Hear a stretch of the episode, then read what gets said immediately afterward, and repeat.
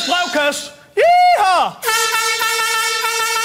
FC Midtjylland! FC Midtjylland! FC Midtjylland! Hej, hej, hej! Det her, det var den øh, legendariske karakter fra Drengene fra Angora, spillet af Simon Kvam, forsangeren i Nephew, og nok også Danmarks største FC Midtjylland-fan. Og han var nok rigtig, rigtig glad i går aftes, for der fik vi endelig et dansk fodboldhold med i Champions League igen. FC Midtjylland er klar til gruppespillet i Champions League for første gang nogensinde.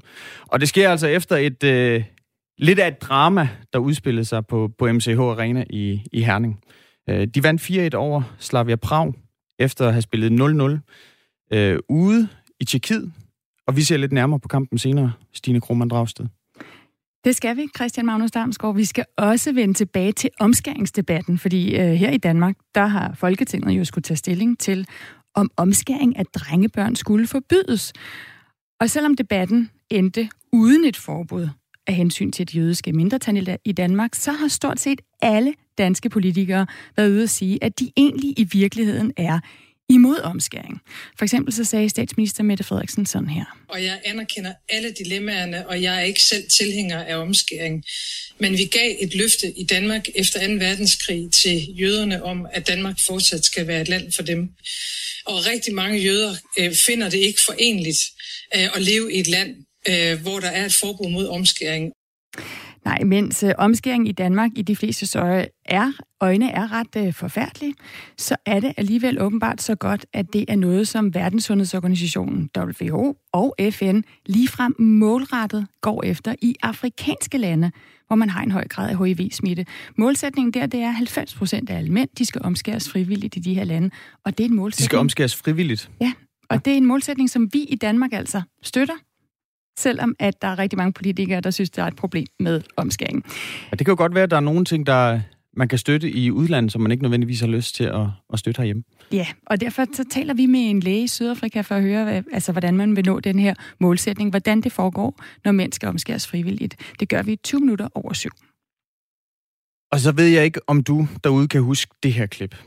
Vi har lige fremlagt en kæmpe plan, som resten af verden interviewer mig og resten af regeringen om, hvor fantastisk de synes jeg den socialdemokratiske regering er så grøn, at hele verden ringer til klimaminister Dan Jørgensen, bare for at høre ham, hvor fantastisk og dygtig regeringen er, hvor grøn den danske politik egentlig er.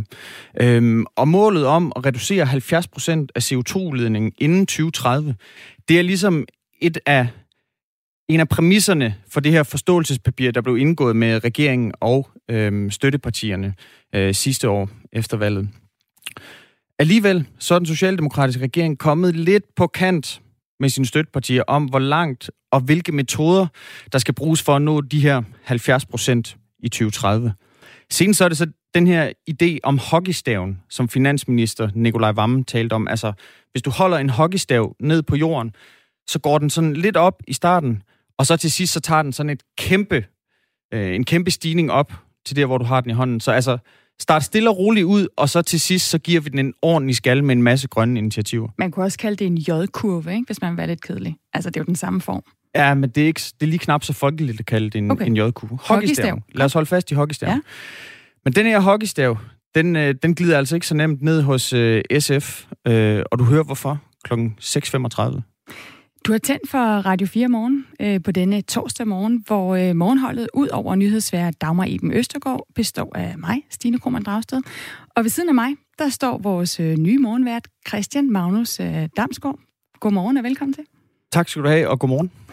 Jeg er helt sikker på, Christian øh, Magnus, at lytterne de kommer til at få masser af tid til at lade dig kende. Vi skal sende rigtig mange timer dage og uger og måneder sammen. Så jeg har egentlig bare et spørgsmål til dig her, øh, inden vi kaster os ud i historierne. Hvilken en øh, glæder du dig allermest til at høre? Jamen, det er jo, altså, det er ligesom at vælge, hvilket barn man allerbedst kan lide. Men altså, jeg glæder mig rigtig meget til, øh, til lidt i 8, hvor vi skal tale med Michael Nedersø, som er gruppeformand for Dansk Folkeparti i Horsens. Han har for nylig sagt til BT, at hvis der sidder en, en kvinde med slør, eller med øh, tørklæde ved kassen i Bilka, så, så finder han en anden kasse og, og handle sin varer ved. Øhm, der, der er det jo oplagt at spørge, om, om han også gør det, når han går i Føtex og Menu, eller om det bare er i Bilka. Det får du lov til at spørge ham om lidt senere i dag. Vi skyder Radio 4 morgen i gang. I gang. Velkommen til. Vi starter med Instrukskommissionen, fordi øh, i går afhørte de sidste fem øh, embedsfolk, de blev afhørt, og det er ud af en række af 25 afhøringsdage, som den her instrukskommission har været i gang med. Kommissionen har siden øh, maj afhørt øh, embedsfolk og andre personer tæt på sagen om den tidligere udlændingeminister Inger Støjbergs instruks om at adskille alle asylsøgende par, hvis den ene var under 18 år. Og ombudsmanden har jo konkluderet, det gjorde øh, ombudsmanden i foråret 2017, at instruksen var ulovlig. Godmorgen, Andrea Dragsdal. Godmorgen. Journalist på Zetland, og du har dækket den her sag til, at du var med til de sidste afhøringer i, i går. Hvad skete der i går? Jamen, det var formentlig den sidste dag med afhøringer. Vi går altså ind i den absolute slutspurt, og, øh, og hvis jeg nu skal være helt ærlig, så var det jo egentlig ikke en specielt spektakulær dag, og sådan har det også lidt været på det sidste. Det nye, der kommer frem her øh, de seneste afhøringsdage, det er, at der er nogle forklaringer, der står stærkere, simpelthen fordi der er flere personer, der uafhængigt af hinanden siger det samme. Og hvad er det for nogle øh, personer, ja, du synes, der står stærkest? Ja man kan jo sige, at det som man i hvert fald, eller det som indtryk jeg i hvert fald er efterladt med efter de her 25 afhøringsdage, det er, at der er et embedsværk under Inger Støjberg, som har følt sig enormt presset, som har oplevet en minister, der vil have det på en bestemt måde, og som øh, havde svært ved at acceptere, at øh, juristerne ikke mente, man kunne lave en ordning uden undtagelser. Støjberg siger selv, at hun til sidst accepterede det, så hun har også selv forklaret, at jamen, de diskuterede det frem og tilbage. Der hvor uenigheden jo så står, det er, øh, både hun sig til sidst eller ej. Og øh, mange embedsmænd har i hvert fald forklaret, at de ikke havde en oplevelse af, at hun gjorde det. Nogen har sagt noget andet. Og hvad var det mest interessante? Altså, nu havde vi den sådan den sidste dag, der var fem embedsfolk inde. Hvad var det mest interessante af det, der kom frem lige i går? Mm, altså det mest interessante, det er jo, at, øh, at noget af det, der er helt afgørende, det er, om ministeriet giver en ulovlig ordre til styrelsen, som er dem, der har kontakt til asylcentrene. Og der er der en, enkelt, altså en, en konkret telefonsamtale, der er ret afgørende. Og der mener embedsmanden i ministeriet, at hun ikke har sagt øh, til styrelsen, at de skulle administrere ulovligt. Det mener styrelsen, at de har sagt. Og, øh, og det bliver lidt kringlet, men, men det er det mest interessante i går, fordi der er skriftlige øh, telefonnotater, så nogle de har skrevet efter, de har talt sammen om, hvad samtalen har handlet om. Og de er blevet sendt videre til ombudsmanden, sådan som du sagde, blevet, øh, så endte med at vurdere, at der var en ulovlig ordre i det telefonnotat, som ombudsmanden har brugt til at øh, konkludere, at der var en ulovlig instruks, eller noget, der havde karakter af en ulovlig instruks, der står der, at, øh, at hun sagde, at de skulle øh, administrere efter pressemeddelelsen, hvor der står, at ingen par må bo sammen. Mm. Hvis vi lige øh, træder et skridt øh, yeah. tilbage, Andrea Dragsal, så prøver jeg lige at sætte nogle fakta på det her, fordi det er jo en, en sag, der har kørt i lang tid, som vi sådan har lavet nogle nedslag i øh, på forskellige tidspunkter, når der har været afhøringer. afhøringer. Men hvis vi lige øh, prøver at opsummere, så er Instrukskommissionen jo den, der undersøger om Inger Støjberg, altså øh, den tidligere udlænding og integrationsminister, vidste, at det var ulovligt, da hun gav instruks til at adskille alle unge asylpar. Og Instrukskommissionen den blev nedsat i, i januar under den nuværende socialdemokratiske regering efter pres fra støttepartierne Enhedslisten, SF og Radikale Venstre. Ombudsmanden har jo så, som vi siger, slået fast, at øh, Støjbergs beslutning var ulovlig, øh, fordi øh, alle de her sager om at adskille asylpar, de skal behandles individuelt. De må ikke bare ske automatisk. Og nu er afhøringerne altså afsluttet. Hvad skal der ske nu?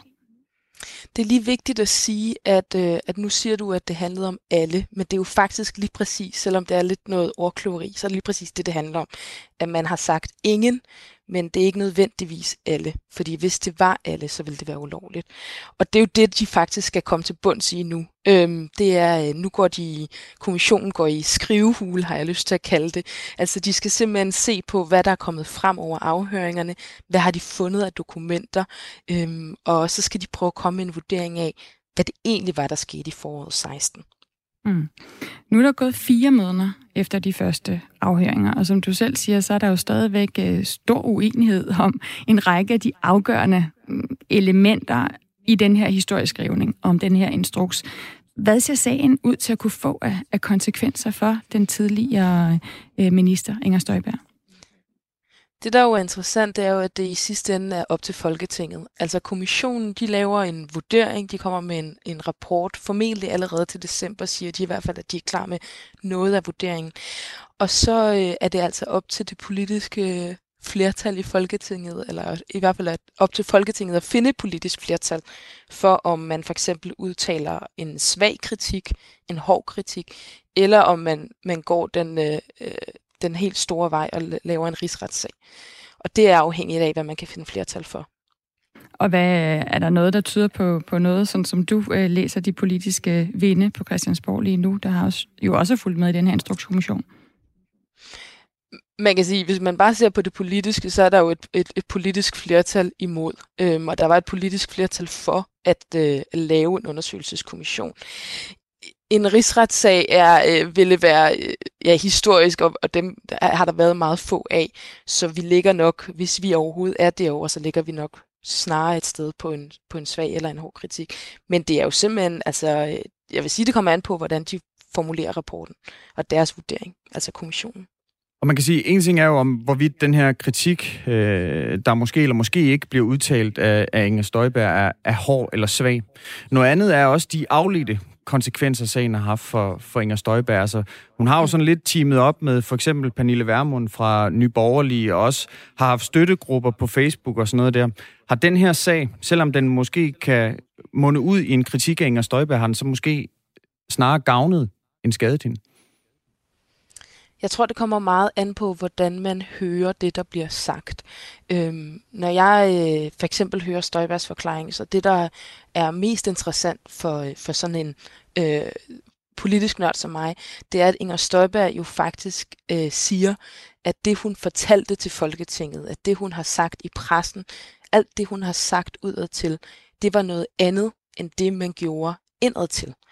Og for en minister, der jo også i høj grad øh, har popularitet på at tale sandt, så kunne jeg godt, eller en politiker, der, der er meget populær på ofte at sige tingene lige ud, så kunne jeg godt være nysgerrig på, om, om hendes vælgere må, må vil føle sig stødt af det her. Altså at hun fremlægger to forskellige virkeligheder.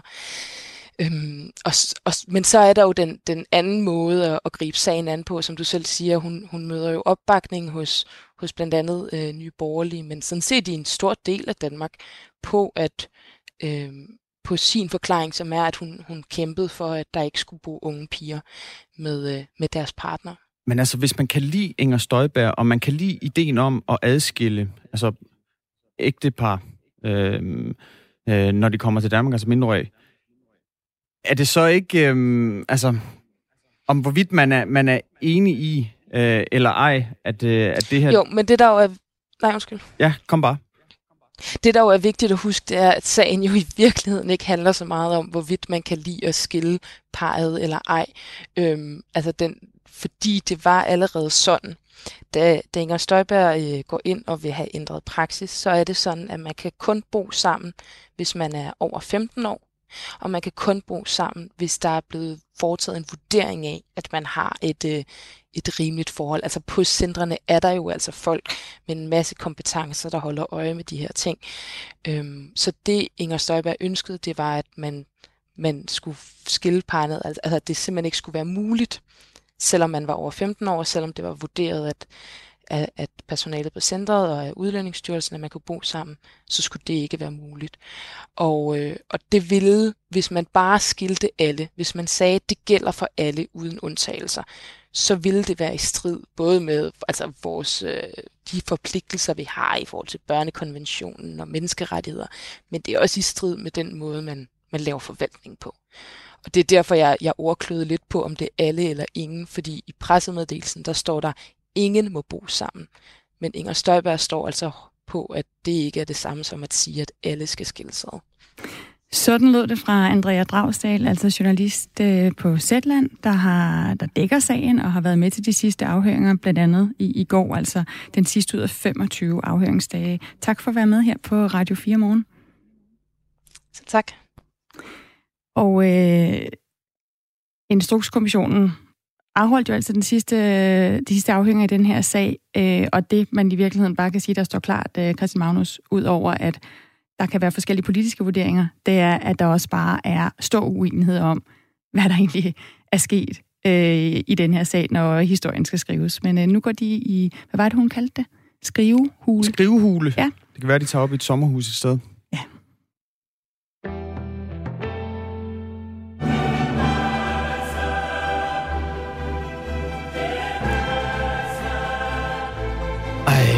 Det var en stor aften for dansk fodbold i går aftes.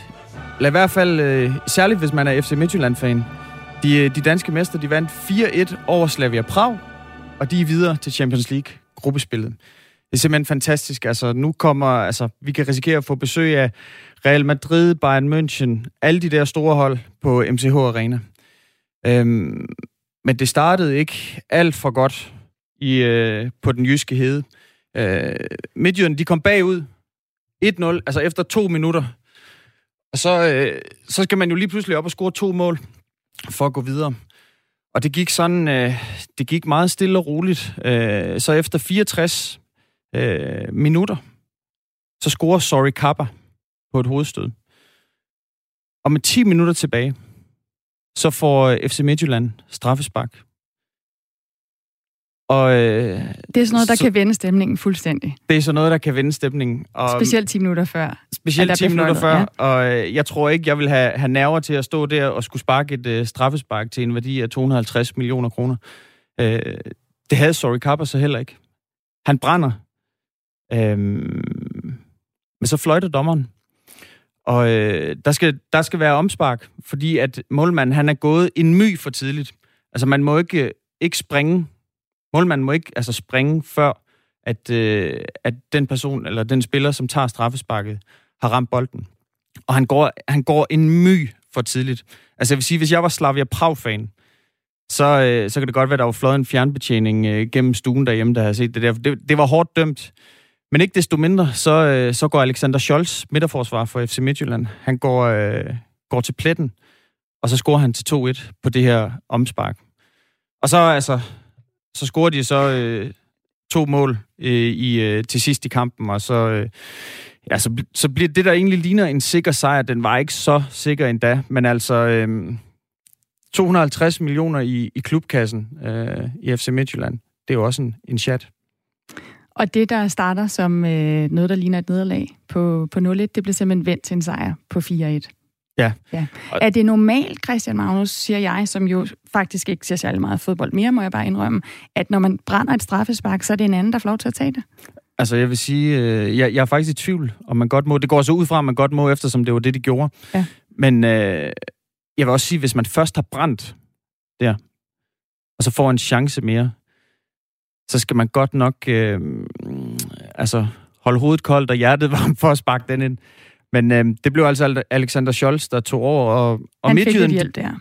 Præcis. Midtjylland, de bliver det femte danske hold, som, øh, som kvalificerer sig til, til, til gruppespillet. Øhm, og vi har jo blandt andet haft øh, FCK med øh, flere gange, FC Nordsjælland, AB, Brøndby. Øhm, men sidste dansk hold var i, i Champions League. Det var i 2016-17. Så, så det er efterhånden ved at være et par år siden. Øhm, ja. Det er der helt sikkert nogen, der vågner op og skal fejre videre i dag. Øhm, og det kan også være, det er noget, vi, øh, vi ser, om vi taler videre om det her til morgen på, på Radio 4 morgen. Men øh, Christian Magnus, nu skal vi videre til øh, en debat, der har været lidt mere voldsom øh, herhjemme. Det er nemlig øh, omskæringsdebatten, øh, som jo har været øh, ophedet i, i Danmark. Øh, Folketinget har skulle tage stilling til, om omskæring af øh, drenge, spædbørn, skulle forbydes. Og øh, det endte jo med, at der ikke kom et forbud af hensyn til, til øh, det jødiske mindretal i, i Danmark.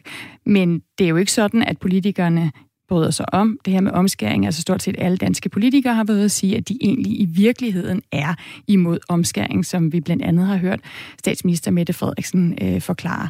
Løfter man blikket lidt ud i verden, så ser situationen helt anderledes ud.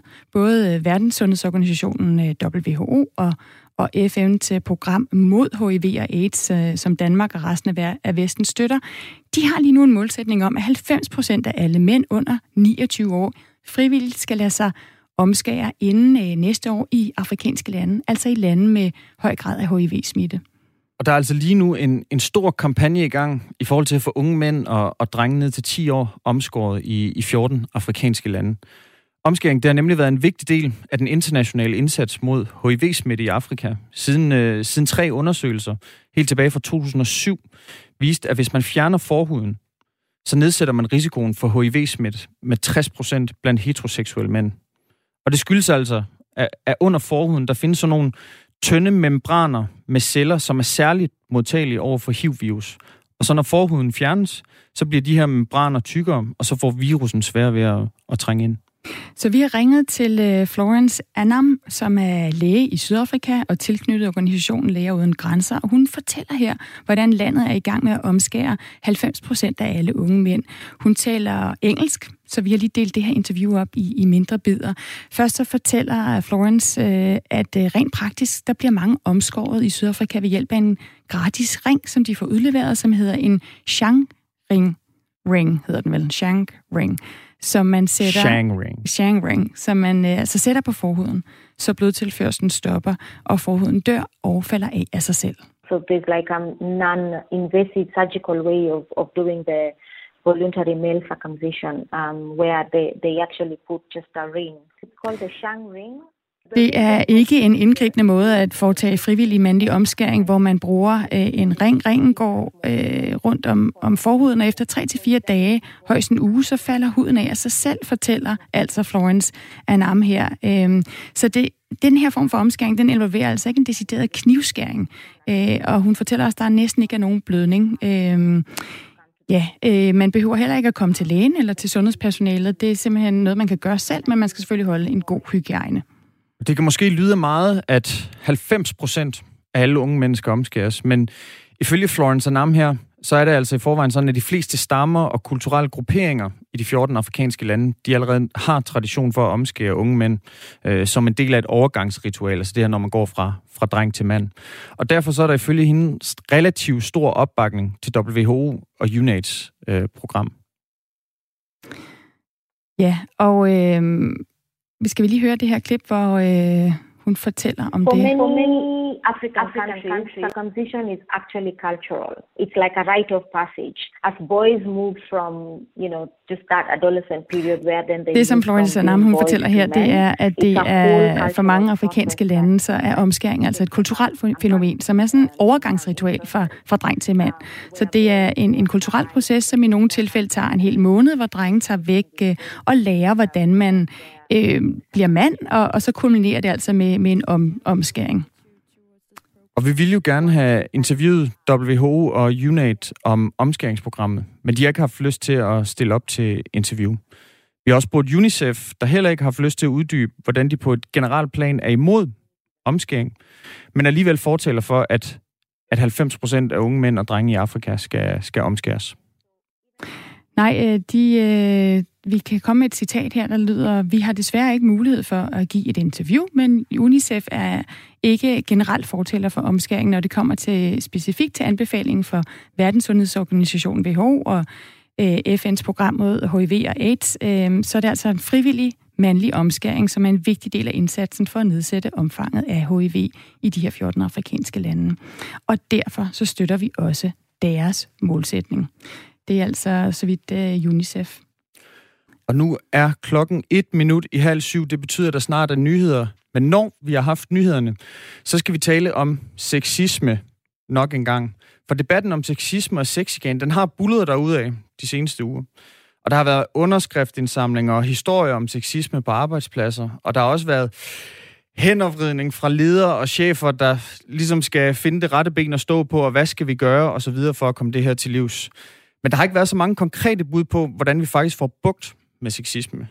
Men det er der nogle kloge hoveder, der har undersøgt, Stine Krohmann Dragsted. Ja, vi får et bud øh, klokken kvart i syv, og vi skal lige huske at sige, Christian Magnus, at øh, sms'en den er åben, så øh, I må meget gerne skrive ind hvis I for eksempel har nogle konkrete bud på, hvad vi egentlig gør øh, ved sexisme, som der jo er rigtig mange, der mener er et problem, blandt andet på arbejdspladser. Skriv ind til os på 1424. Øh, Start jeres øh, besked med R4, hvis I har erfaringer eller bud. Nu er der nyheder.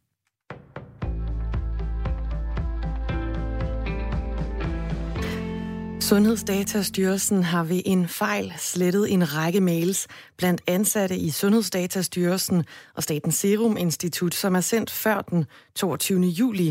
Det oplyste Sundhedsdatastyrelsen i går. På Twitter, der kalder Venstres gruppeformand Carsten Lauritsen det for lidt for belejligt til at være en tilfældighed.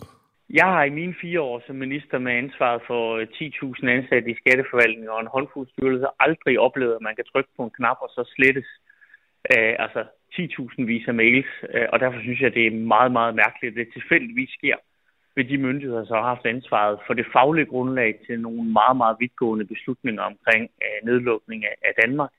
Det forventes, at de fleste mails kan genskabes, men det vil alligevel betyde, at Statens Serum Institut i nogle tilfælde ikke kan svare fyldesgørende på eksempelvis anmodninger om agtindsigt. De mange mails kan blandt andet også indgå i den undersøgelse, som Folketinget har sat i værk for at afdække regeringens beslutningsgrundlag under håndteringen af covid-19-krisen i foråret. Antallet af sigtede spritbilister er halveret på godt 10 år, men politiet de stopper og sigter til gengæld langt flere bilister med narko i blodet. Der er nu 50 procent flere narkobilister, der hvert år bliver sigtet, end der er spritbilister. Det viser nye tal fra Rigspolitiet, skriver Jyllandsposten. Ifølge avisen blev der sidste år sigtet knap 9.100 bilister for narkokørsel af politiet, mens lige over 6.000 blev sigtet for spritkørsel, og udviklingen den er fortsat i år. Da vi laver stort set det samme antal kontroller for henholdsvis sprit- og narkokørsel, må man antage, at der nu er flere, der kører narkokørsel end spritkørsel. Sådan konstaterer politiassistent Christian Bertelsen fra Rigspolitiets Nationale Færdselscenter over for Jyllandsposten. I dag er det blevet socialt uacceptabelt og en smule taberagtigt at køre spritkørsel. Der er vi endnu ikke nået til med narkokørsel, siger han. Republikanske toppolitikere kritiserer præsident Donald Trump for ikke at tage afstand fra grupper, der er tilhængere af white supremacy, altså hvidt overherredømme. White supremacy skal man tage afstand fra hver gang, siger Tim Scott, der er republikanernes eneste sorte medlem af senatet, og han tror, at præsidenten formulerede sig forkert. Hvis han ikke retter det, formoder jeg, at han ikke formulerede sig forkert, siger Tim Scott ifølge New York Times om præsidentens ord. Trump han blev under tv-debatten med Joe Biden natten til i går dansk tid opfordret af ordstyren til at tage afstand fra gruppen Proud Boys. Til det svarede Trump, stand back and stand by, altså hold tilbage, men hold jer klar. Kommentaren den blev gjort til et nyt slagord for medlemmerne af Proud Boys, det skriver nyhedsbyrået DPA. Mitch McConnell, der er senatets republikanske flertalsleder, kritiserer også, at præsidenten ikke tog klokkeklar afstand fra tilhængerne af white supremacy. FC Midtjylland de er klar til gruppespillet i Champions League for første gang. Det danske mesterhold vandt i aftes 4-1 på hjemmebane over Slavia Prag og gik dermed videre. FC Midtjylland bliver det femte danske hold, som når frem til gruppespillet i Champions League. AB, Brøndby, FC København og FC Nordsjælland, de har tidligere prøvet det. Med det nåede vi frem til en vejrudsigt. Dagen i dag bliver mest tør, men også skyde. Og så kommer der heldigvis også perioder med lidt eller nogen sol. Temperaturerne de lander mellem 15 og 18 graders varme, og vinden den bliver let til frisk fra øst og sydøst ved kysterne op til hård vind. Det var nyhederne her på Radio 4. Mit navn det er Dagmar Eben Østergaard.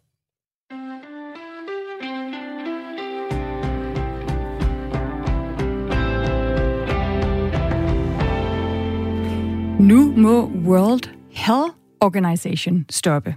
Mænd skal da ikke have hård hud på dilleren. Det er Bjarne Holm, der er stemplet ind på øh, sms'en, og det øh, gør Bjarne jo, fordi at vi lige før nyhederne øh, havde den her historie om, at det kan godt være, at de fleste politikere i Danmark er imod omskæring.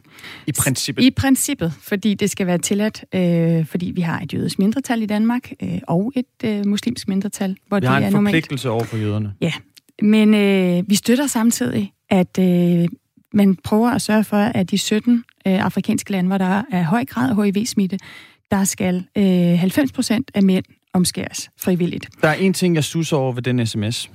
Det er altså, der er jo ikke så meget, øh, så meget hud, der kan være hård på dilleren, hvis man er omskåret. Det ved du mere om, end jeg gør, Christian Magnus. Ja, muligvis. Men øh, og det andet, vi lige skal sige, det er jo selvfølgelig, at øh, jeg tror ikke, det er tilfældigt, at Bjarne Holm, han kalder det World Health Organization, i stedet for World Health Organization. Altså, det er Verdens Sundhedsorganisation. Men I er velkommen til at øh, skyde en sms afsted på 1424. Start jeres besked med R4, hvis I har nogle erfaringer. Øh, det må også godt være med andet end hård hud på dilleren, man kan skrive ind om. Øh, eller øh, noget, I ligesom vil dele om de historier, som vi, hvor vi har her til morgen. Hvor, vi, øh, hvor det lige nu skal, skal handle om klima. Det skal det i hvert fald. Fordi den socialdemokratiske regering, de er på kollisionskurs med sine støttepartier om klimaet. Regeringen, som jo ellers ser sig som nogle af de mest ambitiøse og mest grønne på klima nogensinde, de lever ikke op til aftalen i forståelsespapiret. Sådan lyder det i hvert fald fra, fra enhedslisten, radikale og SF. Og senest der kom finansminister Nikolaj Vammen med et nyt billede på Socialdemokratiets klimametoder, nemlig hockeystaven. Altså en metode, hvor man venter med den store pukkel af reduktioner til enden af hockeystaven ved at udskyde markante klimapolitiske beslutninger, satse på teknologi, og så kort før 2030, altså lige inden deadline, så går det løs. Der giver vi den en ordentlig en over nakken og skruer voldsomt op for tempoet. Og det har fået SF til direkte at undsige regeringen og kræve, at, øh, at 60 ud af de her 70 procent, som vi skal have reduceret CO2, øh, CO2-emissioner med, de skal aftales allerede i år. Signe Munk, godmorgen. Godmorgen. Du er klimaordfører for SF. Socialdemokratiet de går efter en, øh, en hockeystav, hvor vi venter med nogle af beslutningerne, i stedet for at gøre det unødigt dyrt lige nu. Det lyder da som en meget god idé. Jamen, i den forbindelse skal man jo huske at stille sig selv øh, det andet spørgsmål. Hvad hvis det så ikke går, som øh, Socialdemokraterne håber? Hvad hvis alle reduktionerne ikke er klar i 2028? Jamen, så står man jo fem minutter i lukketid og øh, ikke har en plan for, hvordan man skal finde de meget vigtige CO2-reduktioner, vi skal fjerne for at hjælpe klimaet. Og så kan det faktisk, i min optik, blive rigtig dyrt og rigtig, rigtig besværligt at omstille samfundet. Fordi så har man jo spildt nogle år øh, og står lige pludselig og har meget kort tid til øh, meget store forandringer. Men altså i det her forståelsespapir, det der i gamle dage hed et regeringsgrundlag, som I indgik øh, med regeringen, som ligesom er baggrunden for den øh, støtte, i giver til Socialdemokratiet. Der står jo bare, at vi i 2030 skal have reduceret udledningen med 70 procent. Det er ligesom det, der er aftalen. Der står ikke, hvornår man skal aftale det. Nej, det er rigtigt, og det samme gør sig jo øh, øh, til dels gældende i klimaloven, hvor vi jo også har øh, et mål i øh, 2030. Men vi skal jo heldigvis også have aftalt et mål for 2025, hvad man ligesom kan sige en, øh, et, et, en, en stop på vejen til de 70 procent. Øh, så derfor kan man sige, at vejen til at reducere CO2-udledningerne med 70 procent, det er jo en politisk diskussion om, hvad er det for nogle værktøjer, vi skal tage i brug, hvornår vil vi tage dem i brug, og hvor mange penge vil vi også bruge på det. Og det er jo det, der er en politiske diskussion øh, lige nu imellem blandt andet os og Socialdemokratiet. Og nu vil I så, I vil have en, en aftale om, øh, om, at man altså ligesom finder ud af, hvor 60 ud af de 70 procent skal komme fra. Og de, de, den aftale, det skal være i år. Er det rigtigt forstået? Ja, det er helt rigtigt forstået. Er det realistisk? Og det er fordi, at ja, det mener vi. Øh, blandt andet fordi Klimarådet, som jo er sådan det, det øh, klimafaglige øh, rådgivningsorgan, vi har i Danmark, har sagt, Prøv at høre her, politikere. Vi kender faktisk virkemidlerne til 60 procent af de 70 procent, vi skal reducere. Og den opfordring har vi jo fuldt og sagt, okay, hvis vi har det, jamen så lad os få aftalt, at vi får sat det ud at virke. Det er jo noget så, så, øh, så kedeligt og kendt som, som store varmepumper og elbiler, og det er at tage kulstofbelastende landbrugsjord ud alt det. Og det mener vi, vi skal have lavet aftaler for. Men øh, hvorfor lige 60 procent ud af 70? Altså kan mindre ikke gøre det? Hvis nu øh, Socialdemokratiet siger, okay, fint nok, så laver vi en aftale om 40 procent ud af de 70 i år. Er det så ikke Er det, er det en billede, vi kunne sluge? Jamen, altså når vi har sagt de 60 procent, så er det jo lige præcis, fordi vi har lyttet til, øh, til de folk, som er, som er kloge og øh, ikke er medlem af et politisk parti øh, i, øh, i Danmark, og det er Klimarådet, øh, og fuldt deres anbefaling. Lige præcis ud fra, hvad man kunne kalde lidt en omvendt hockeystav, nemlig at vi vil rigtig gerne i SF få aftalt alle de store forandringer, det danske samfund jo skal igennem de næste 10 år for at blive et mere klimavenligt samfund. Og det synes vi er klogt at få gjort tidligt, fordi så kan vi nemlig øh, hvad hedder det, forberede danskerne på, øh, hvordan vi år for år kommer til at øh, både reducere vores øh, CO2-udledning, men jo også omstille vores samfund. Og vi følger jo så den anbefaling, som, som Klimarådet øh, giver os øh, i øh, SF. Så lad os lige øh, opsummere. Altså øh, i SF, der vi lave aftaler for, for 60 procent øh, allerede i år, og det tal, det kommer altså fra en analyse lavet af, af Klimarådet, som viser, at man med kendte virkemidler i dag kan nå 60 procent af vejen til det her mål, til det her 2030-mål, øh, som altså ligger 10 år frem. Og de resterende 10 procent, det kræver så forskning og, og udvikling. Der er jo lang vej igen øh, for at nå øh, mål i klimaloven, så skal Danmark reducere sit udslip med 20 millioner ton CO2 øh, om 10 år, og indtil videre, der er der lavet aftaler for cirka 4 millioner ton, øh, ton CO2. Vil det øh, sige, Signe Munk, at I lige nu støtter en regering, der går stik imod det, I har lovet jeres vælgere? Jamen altså, vi bakker stadigvæk op om, øh, om Socialdemokratiet øh, som regering. Jeg vil også sige, at øh, hvis man ser på dem, og så øh, den tidligere borgerlige regering, kan man jo sige, de modarbejdede klimaet. Socialdemokratiet rykker for langsomt, og det er det, vi, øh, vi presser dem på. Altså kom hurtigere øh, på vej med at hente CO2-reduktionerne.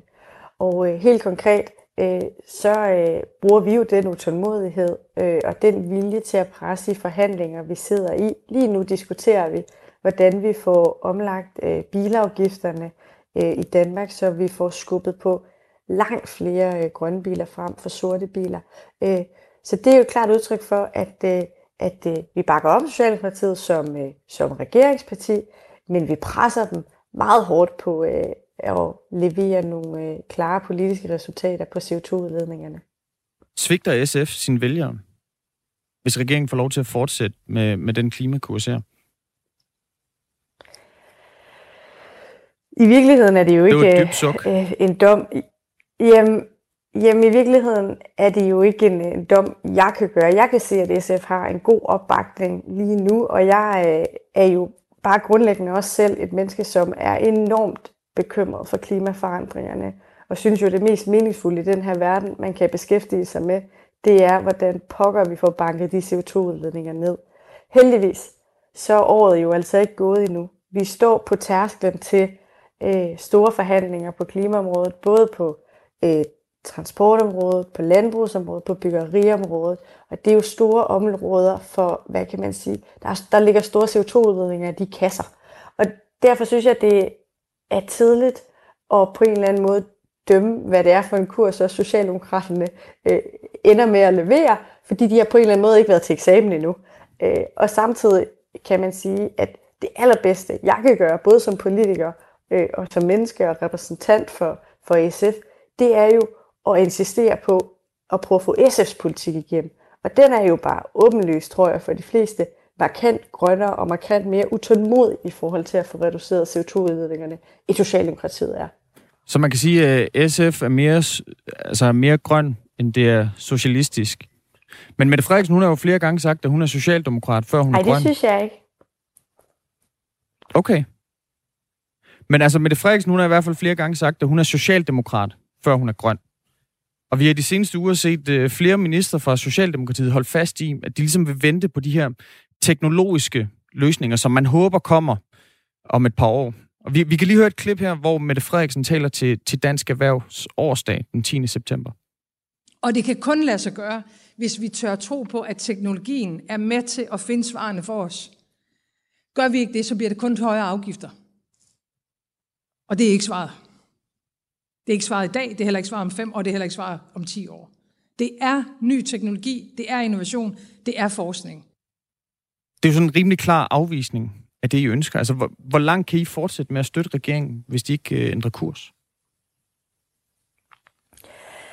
Jamen, i virkeligheden så er det jo øh, det, der bliver sagt her, ikke?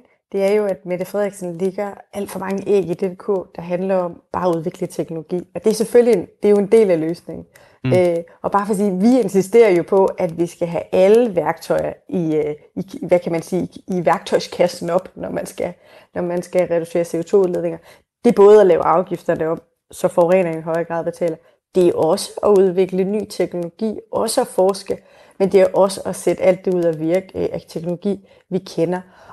Og den kombination, det er jo det, vi presser regeringen på. Men som sagt, så står vi jo over for nogle store forhandlinger nu, øh, hvor vi skal have lavet i min optik og i SF's mål, for lavet nogle store CO2-reduktioner. Og vi kan jo ikke sige, at øh, regeringen har været til den fuldstændige eksamen nu, om de, øh, de har gjort det godt eller dårligt, før vi er færdige med øh, at forhandle. Og det er egentlig også det, der ligger i, øh, i klimalovens øh, årsjul. Det er, at når der er gået et år, når man ender til december, så har Folketinget en stor debat, hvor også Klimarådet siger, leverer regeringen en klimapolitik, som er ansvarlig over for klimaloven. Så det er på en måde der, vi kommer til at samle op. Lige nu, der står vi over for alt det hårde arbejde, som er det, jeg synes, der er det allervigtigste og allermest meningsfulde nu. Og det er jo at få lavet nogle politiske aftaler, hvor vi får skrevet nogle CO2-reduktioner ned. Øh, og, og Men det, Signe Munk, det er ligesom øh, det, der ligger først for lige nu. Ja, undskyld, jeg afbryder dig. Lad os så lige gå, øh, til sidst kigge på de aftaler, øh, som, som ligger for lige nu. Fordi så vil det jo måske være meget interessant for jeres vælgere at vide, øh, altså hvad I er klar til i forhold til de her aftaler. Hvis regeringen lige nu siger nej til at lave aftaler for 60 ud af 70 procent i år, hvad hvis I så kan få 50 procent? Er det så okay? Det synes jeg i hvert fald overhovedet ikke er ønskeligt, og, øh, og lige nu, der øh, vil jeg hellere insistere på, hvad der er SF's mål, og det er at nå de 60 procent, end at, end at snakke om, how low can we go, øh, fordi det øh, er tit et, øh, et dårligt udgangspunkt for ens egen forhandling. Øh, Men hvad gør I, hvis I ikke når det, det mål så? På. Jamen så tager vi bare øh, øh, skeen i hånden igen og foreslår nye CO2-reduktioner. Mm. Det har aldrig været sådan øh, i SF, at øh, øh, hvis vi ikke lykkes med noget, så ligger vi os øh, øh, fladt ned. Vi fortsætter bare. Øh, og det er jo også øh, det, Socialdemokratiet godt ved, at SF har været grønt øh, i mange, mange år. Ikke fordi det er blevet moderne. Vi mener det helt oprigtigt. Øh, og vi øh, er dødhammerne bekymrede for klimaforandringerne. Mm. Og derfor kommer vi jo på hele tiden at insistere med, insistere på, at vi skal, at vi skal lave CO2-reduktioner. Men Signe Munk, og det, det gør vi nu. Ja, men det er jo det, jeg prøver at finde ud af, hvor bekymret I er mm. i forhold til den, de her forhandlinger. Altså er I 60 procent bekymret, 50, 55, altså i forhold til den her aftale? Eller spurgt på en anden måde, som en af vores lyttere skriver, Jens skriver ind, at den eneste effektive måde for SF at presse regeringen ikke at tro med at fjerne støtten? Man skal jo bare altid huske på, at hvis man vælter den socialdemokratiske regering, hvad er så det alternativ? Hvad er det for et magtbærende parti, vi ellers har? Det er Venstre. Hvad gjorde Venstre sidst de sad regering? De kastede den gamle klimalov ud af vinduet. De lavede politik, hvor man gjorde store diesel- og benzinbiler billigere.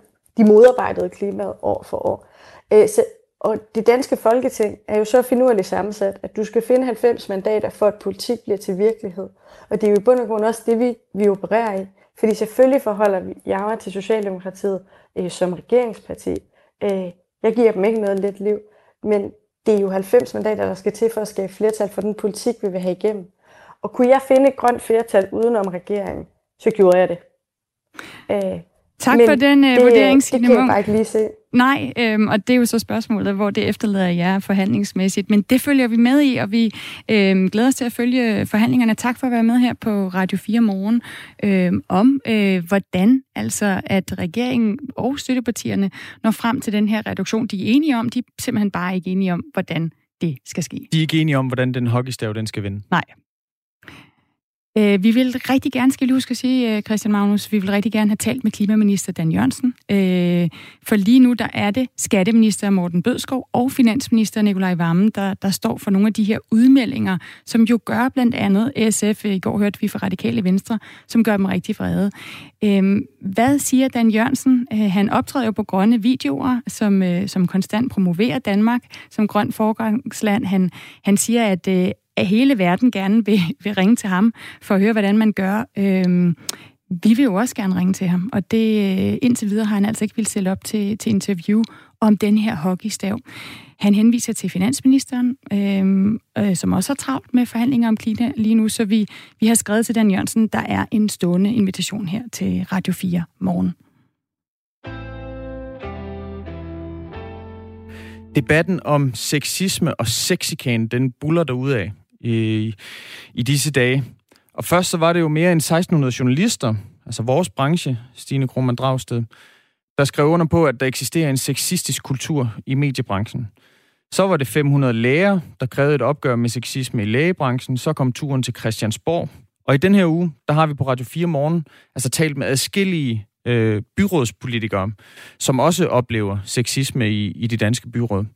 Her der svarede 27 øh, procent af de kvindelige kommunalpolitikere i en rundspørg, øh, at de har oplevet at blive udsat for for eksempel fysiske krænkelser, nedladende behandling eller stødende kommentarer på grund af deres køn.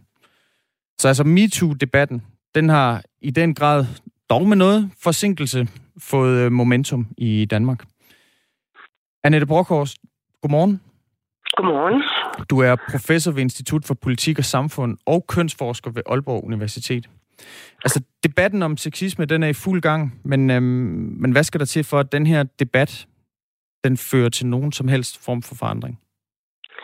Jamen, jeg tror, at vi skal derhen, hvor der kommer nogle klare spilleregler, øh, og hvor jeg tror også, man må sige, at vi skal have uddannet folk, altså tillidsrepræsentanter, arbejdsmiljørepræsentanter osv. til at takle de her ting. Ikke også? Fordi lige nu, der lever det på de sociale medier, og der lever det godt, altså på den måde, der kommer langt mere frem, end der kom frem tidligere. Men altså, hvis man skal holde fast i det, så skal man have nogle håndtag til at løse det. Øhm, den her MeToo-debat, øh, Annette Bockhorst, den, den blev for al, alvor antændt øh, tilbage i 2017 i USA, hvor øh, ja, blandt andet Harvey Weinstein, altså den her meget kendte og indflydelsesrige Hollywood-filmproducer, han blev afsløret i at stå bag omfattende øh, sexovergreb øh, i, i årtier. Og det medførte jo så i USA en, en stor debat med massive beskyldninger om forskellige magtfulde mænds øh, seksuelle krænkelser og, og nedværdigende behandling af, af kvinder. I, I 2017, der virkede det jo ikke som om, at MeToo-debatten slog rigtig igennem i Danmark. Hvorfor strandede debatten i Danmark dengang? Jeg tror, det er noget med, at den danske ligestillingsdebat, den er spænkel, ved at kalde den, eller den ligger i hvert fald meget langt ned ad dagsordenen også, når vi snakker politikere og egentlig også vælgere. Og så kunne jeg egentlig tænke mig at sammenligne med Sverige, fordi det, der skete i Sverige, det var, at man gik ud og havde branchevise diskussioner, altså et hashtag for lægerne, hashtag osv. for forskellige brancher. Og det var noget af det, der er vigtigt, ikke? Fordi altså, nu nævnte vi jo nogle brancher. I nævnte også øh, den politiske verden, som faktisk har nogle andre spilleregler, vil jeg så lige tilføje. Men altså, øh, der er jo stadigvæk også hele det der store område med hotel og restauration, kontor, handel, altså faktisk der, hvor der har været allerflest formelle sager om seksuel chikane. Øh, og det er, det er der, hvor man også altså, kunne komme videre med og, og, og netop og, og få nogle klare spilleregler og få uddannet folk i at få øje på det her. Men er det noget, man kan løse med et hashtag? Det er det ikke. Nej. Nej, det var bare for at sige, at det gik ud i brancherne. Altså, jeg hører jo mange, der kommenterer, at der er jo rigtig mange dele af arbejdsmarkedet, vi ikke hører om lige i øjeblikket. Og øh, altså, vi analyserede jo de sager, der havde været fra slutningen af 80'erne frem til i dag, altså de formelle sager om, om seksuel chikane. Og det var altså handel og kontor og hotel og restauration osv. Dem man ikke hører så meget om øh, i medierne i øjeblikket. Der er stadigvæk sager. Mm. Og det er der også øh, i den politiske verden. Det har der været rigtig mange eksempler på øh, de sidste par dage her på Radio 4 Morgen. Der har vi undersøgt, hvor udbredt sexismen er øh, i de danske byråd. Vi har lavet en rundspørg, som viser, at, at hver fjerde kvindelige byrådsmedlem, som altså har deltaget i vores undersøgelse, de siger, at de har oplevet sexisme. Øh, de fleste af dem øh, altså, har oplevet nedsættende kommentarer, men, men hver tiende har faktisk øh, siger, at de har oplevet fysiske øh, krænkelser. Her er lige et lille sammenklip af nogle af de kvinder, som, som vi har talt med. Så kigger han op og ned af mig, og så siger han, Nå, hvad koster du? Har du menstruation? Er det derfor, du er så vred? Er det ved at være den tid på måneden? Økonomi eller, eller tekniske områder af en eller anden art, der, der er åbenbart sådan en automatreaktion, at det kan jeg da umuligt vide noget om. En og alene, fordi jeg er kvinde. Og Annette Bokhorst, det du så siger, det er, at øh, vi har haft meget fokus på medier, på, på det politiske, den politiske arena. Det her, det sker også ude i alle mulige andre brancher og i virksomhederne. Hvad er det for helt konkrete redskaber, som man skal gribe efter for at komme den her slags til livs? Jeg tror så, det er vigtigt at sige, at den politiske verden er lidt anderledes. I hvert fald, når vi snakker om de valgte politikere. Ikke også? Og, og, og det er også rigtig vigtigt, at det kommer frem, fordi det område har altså ikke været nævnt. Og lige præcis i den politiske verden, der er det altså øh, partierne, øh, som skal tage affære, fordi altså, folk er ikke ansat. Altså, det er bare for at sige, at, at, at der er nogle spilleregler, altså, når det er det generelle arbejdsmarked. Ikke? Men ellers vil jeg sige, at jeg mener bredt på tværs af det, at en af pointerne er, at de her sager er så svære. Altså nu er vi jo efterhånden vant til at komme til at, at lytte til sådan noget med at min pik. Jeg tror aldrig, at det er så mange gange, det er.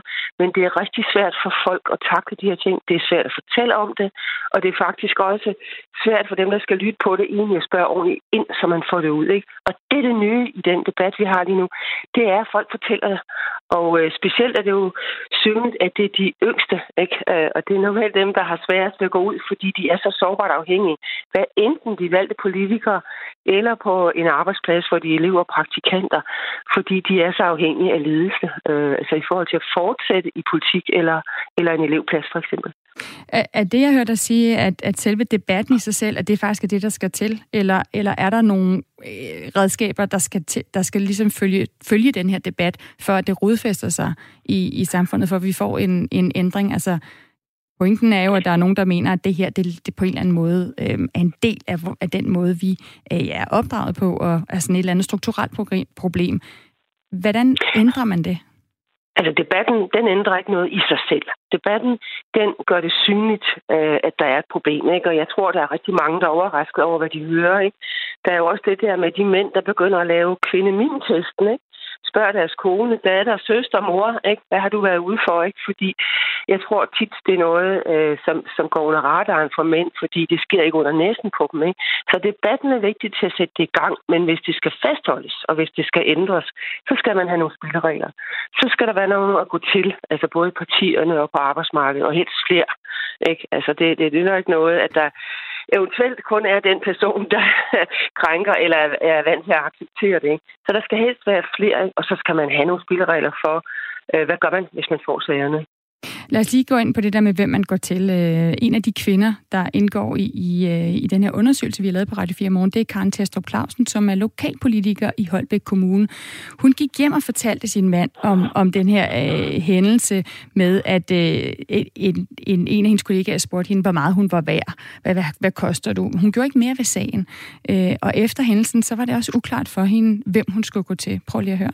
Umiddelbart ville jeg jo tænke, så skulle jeg gå til min borgmester. Men nu var borgmesteren fra samme parti som, som pågældende, og, og, og det, det handlede om, det var jo, at, at vi, vi var enhedsliste, de var venstre, og vi var, for at sige det mildt sagt, rygende uenige øh, i, i stort set alt.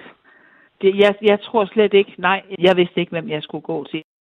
Hun vidste ikke, hvem hun skulle gå til. Det, lige her handler det om en, en politisk arena, hvor det kan være svært, hvis man også er politiske modstandere. Det kan jo også være svært i en virksomhed, hvis man har en chef, som, som måske øh, man synes har siddet noget af det her overhørigt. Hvordan finder man ud af, hvem man skal gå til? Jamen, det er der, hvor der skal være nogle klare spilleregler. Altså, det skal være ret synligt på forhånd, hvem man går til. Altså, hvis vi tager arbejdspladserne, ikke, så kan det være, hvis det er en stor arbejdsplads, en, en, øh, en HR-afdeling. Ikke? Det kan være arbejdsmiljørepræsentanter, tillidsrepræsentanter eller ledelse. Ikke? Og der, der skal være flere muligheder. Ikke? Øh, det er også sådan, at det som regel er svært at fortælle om. Altså, det er som om, det bliver en lille smule lettere nu. Ikke? Både med første og anden bølge, men, men det bliver ikke ved. Altså, øh, så derfor så, så er det vigtigt, at der er nogen, der har lyttelapper på ørerne. Altså, det betyder også noget i forhold til, altså, hvem det er, man går til. Og det er der, at det måske også er vigtigt med træning. Ikke? Øh, altså, vi har jo interviewet en del fagforeninger, og de siger jo for eksempel, der kommer ikke nogen ind ad døren og siger, at jeg har en sag om seksuel chikane. Altså, de skal jo ligesom kunne læse det ud. Altså, det trænede øje kan, eller øre kan, kan sådan spotte sådan noget på afstand, ikke? Men, men det er, det er øh, vanskeligt. Så jeg, jeg tror, det der med træning, det er, det er ret vigtigt, i hvert fald for tillidsrepræsentanter og arbejdsmiljørepræsentanter, for eksempel. Sådan lød i hvert fald nogle forslag fra, fra dig, Annette Bokhorst. Øh, tusind tak, fordi du var med her på Radio 4 Morgen, altså professor ved Institut for Politik og Samfund og kønsforsker ved Aalborg øh, Universitet. Så om lidt, så er der nyheder, for så er klokken nemlig blevet syv. Og når vi kommer hen på den anden side af nyhederne, så skal vi tale om endnu en hvidvask-skandale i den danske banksektor. Altså to steder, man altid kan regne med, at der sker ting og sager, det er forsvaret og bankverdenen. Vi dykker ned i bankverdenen efter nyhederne.